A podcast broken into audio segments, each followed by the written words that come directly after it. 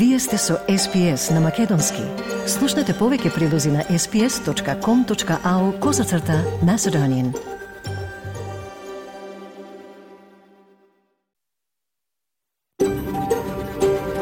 SBS, a world of difference. You're with SBS Macedonian on mobile, online, and on radio. Вие сте со SPS на Македонски на мобилен, преку интернет и на радио. СБС им оддава признание на традиционалните собственици од која денеска емитуваме програмата на македонски јазик. Со ова изразуваме почет кон народот Воронџерево и Воронг, припадниците на нацијата Кулин и нивните минати и сегашни старешини. Признание исто така им оддаваме на традиционалните собственици на сите земји на абориджините и народите на Торе Стрейт, од чија земја ја слушате нашата програма. Добар ден, денес 22 септември, со вас е Васе Коцев. По генералната најава следуваат најновите вести од Австралија и светот, Австралија го одбележува државниот празник, денот на жалост по повод смртта на кралицата Елизабета II. По вестите следува и извештајот со најновите настани во Македонија. Во денешната програма ќе слушнете уште и за сложеноста и цените на финансиските совети во Австралија, но и за независната истрага во ЕФЛ лигата за третманот на домородни играчи во еден од најпознатите клубови, Хотон, по наводите за расизам и одвојување од семејствата. Кон крајот на програмата и разговор со Владо Јаневски од Сидни, писател, сликар, илустратор, но и светски патник. Останете со нас, следуваат најновите вести со колешката Маја Талеска.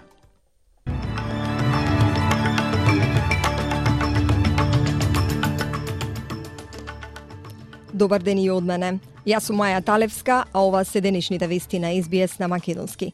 Австралија го одбележува државниот празник Ден на жалост по повод смртта на кралицата Елизабета II.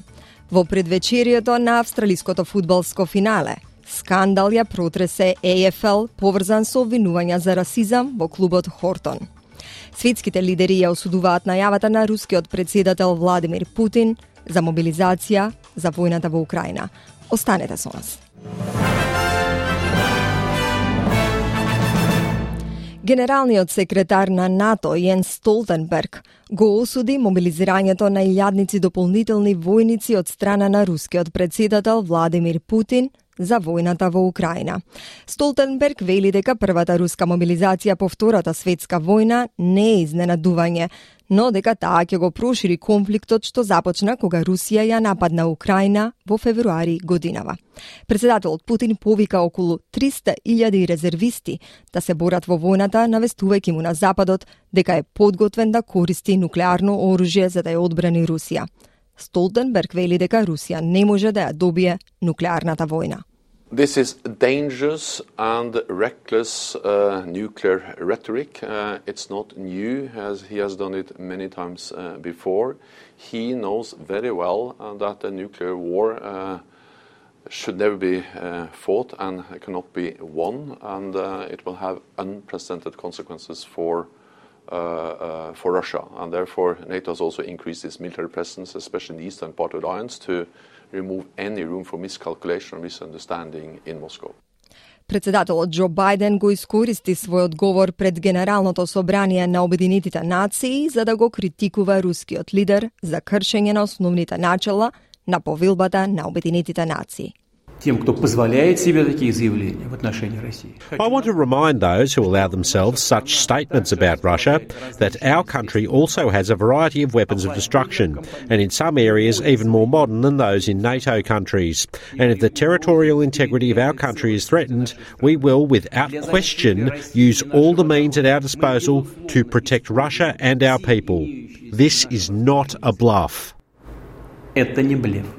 Во меѓувреме, по најавата на Русија за мобилизација, Ерменија доживува уште еден бран мигранти од Русија.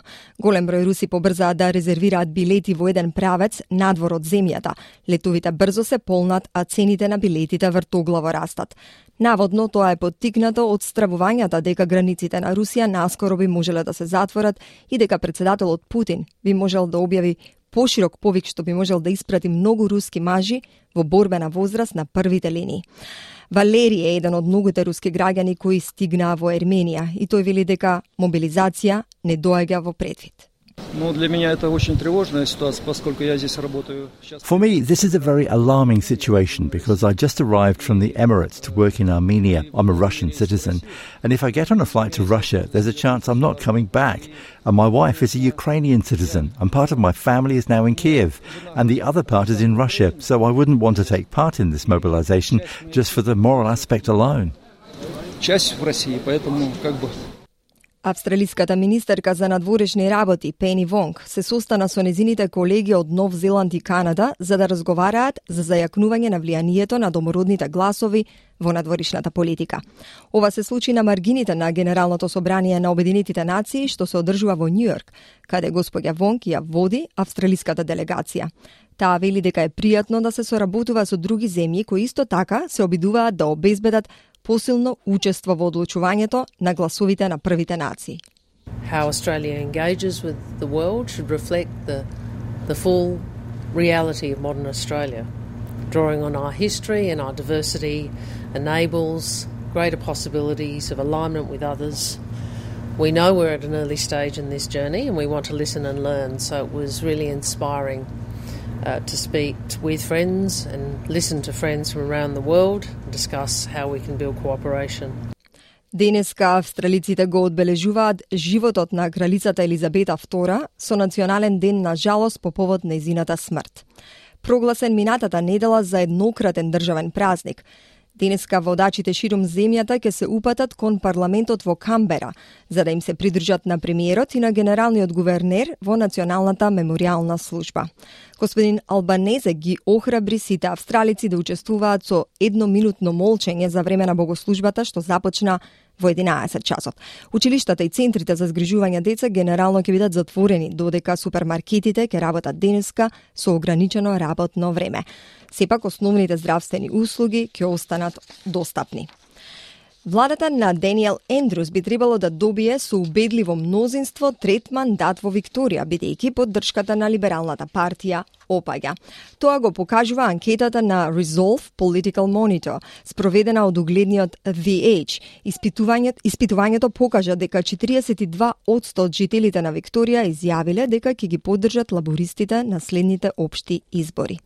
Нешто повеќе од два месеци пред изборите беше откриено дека премиерот Даниел Ендрюс има значително водство пред лидерот на либералите Мечју Гај со 46 наспроти 28 од гласовите.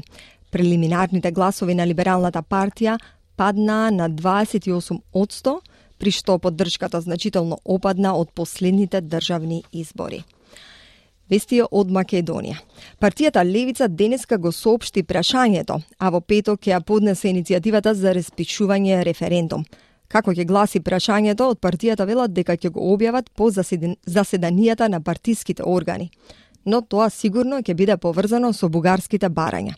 Правната основа ќе се бара во заклучоците што собранието ги усвои за преговарачката рамка со Европската Унија но ќе се избегне директно споменување на договорот со Бугарија за спикерот Талат Джафери да не го искористи истиот изговор да ја одбие и оваа иницијатива како предходната поднесена од ВМРО ДПМНЕ, велат од Левица.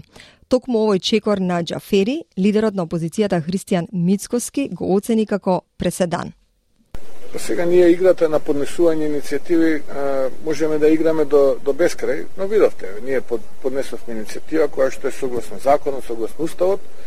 Еден човек во парламентот се става над сите закони, над сите устави, така креира преседан, тој преседан многу скоро денеска ќе стане пракса, а за да не стане пракса, треба тој што го креирал тој преседан да одговара и ќе одговара еден ден од другите вести од светот. Јавниот обвинител на државата Њујорк поднесе тужба за измама против поранишниот американски председател Доналд Трамп, неговите возрастни деца и неговата компанија.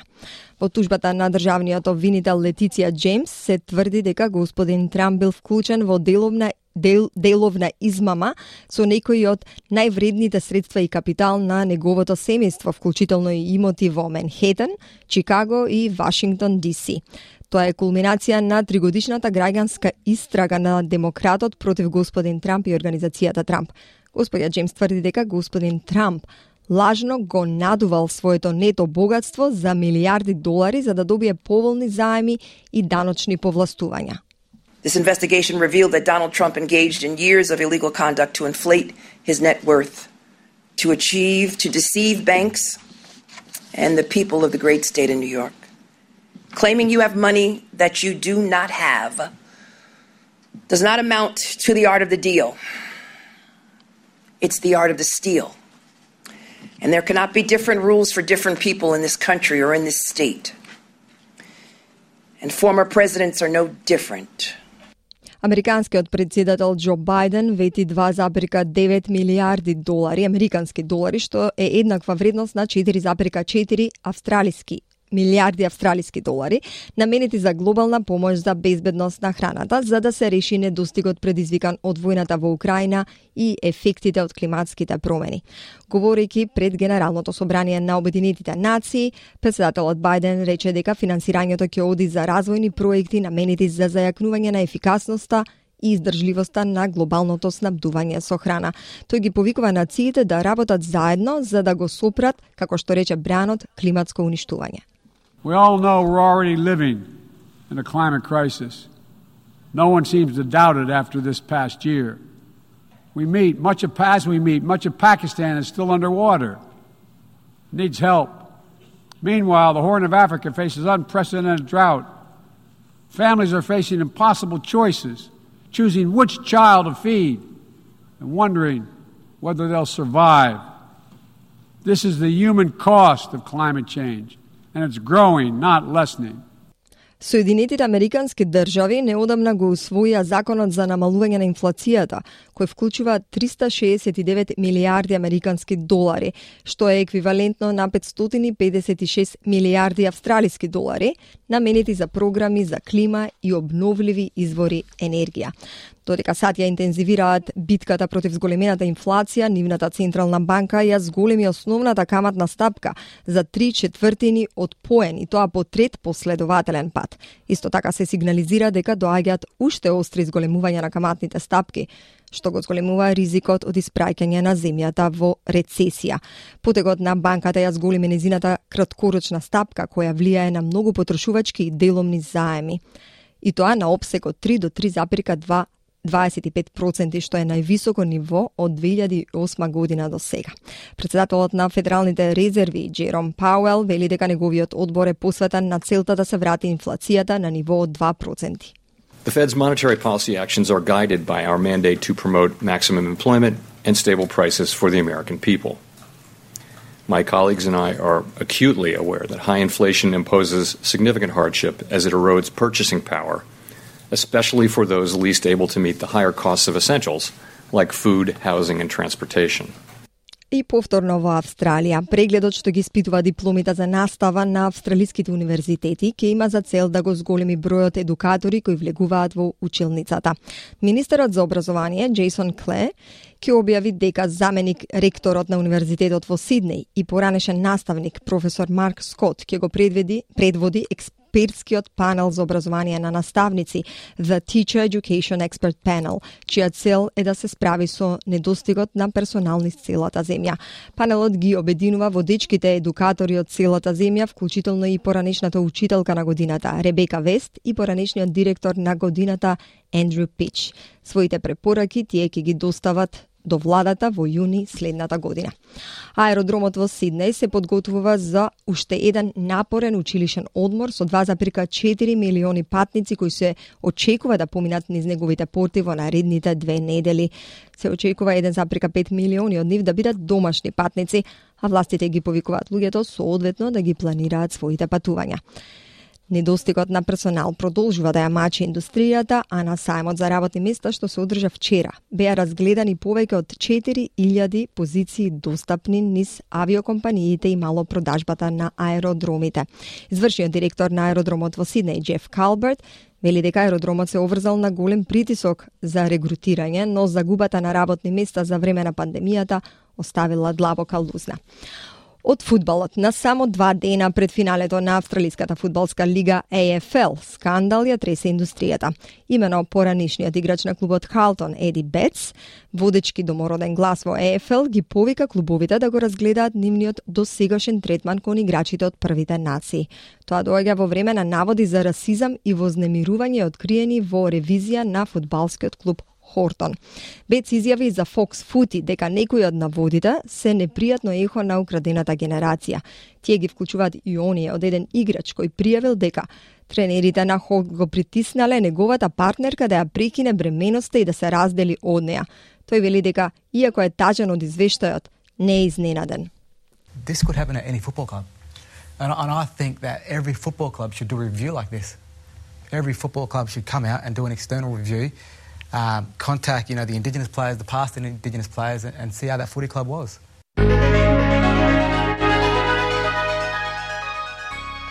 И преглед на најновата курсна листа. Денеска еден австралиски долар се менува за 0,67 евра, за 0,66 американски долари и за 40,86 македонски денари. Додека еден американски долар се менува за 61,33 македонски денари, а едно евро за 60,74 македонски денари. И да видиме какво време не очекува утре, петок 23 септември. Во Перт ќе биде сончево со максимална температура од 20 степени. Во Аделаида услови за развој на врнежи со максимални 17 степени. Услови за врнежи Исто и во Мелбурн со максимални 18 степени, во Хобарт следуваат врнежи со максимални 18 степени. Врнежливо време и за Камера со максимални 20 степени, слично време и за Сиднеј со 21 степен. Делумно облачно во Бризбен со максимални 26 степени, Дарвин делумно облачно со максимална температура од 34 степени и Елис Спрингс максимално максимални 31 степен и сончево време во текот на денот.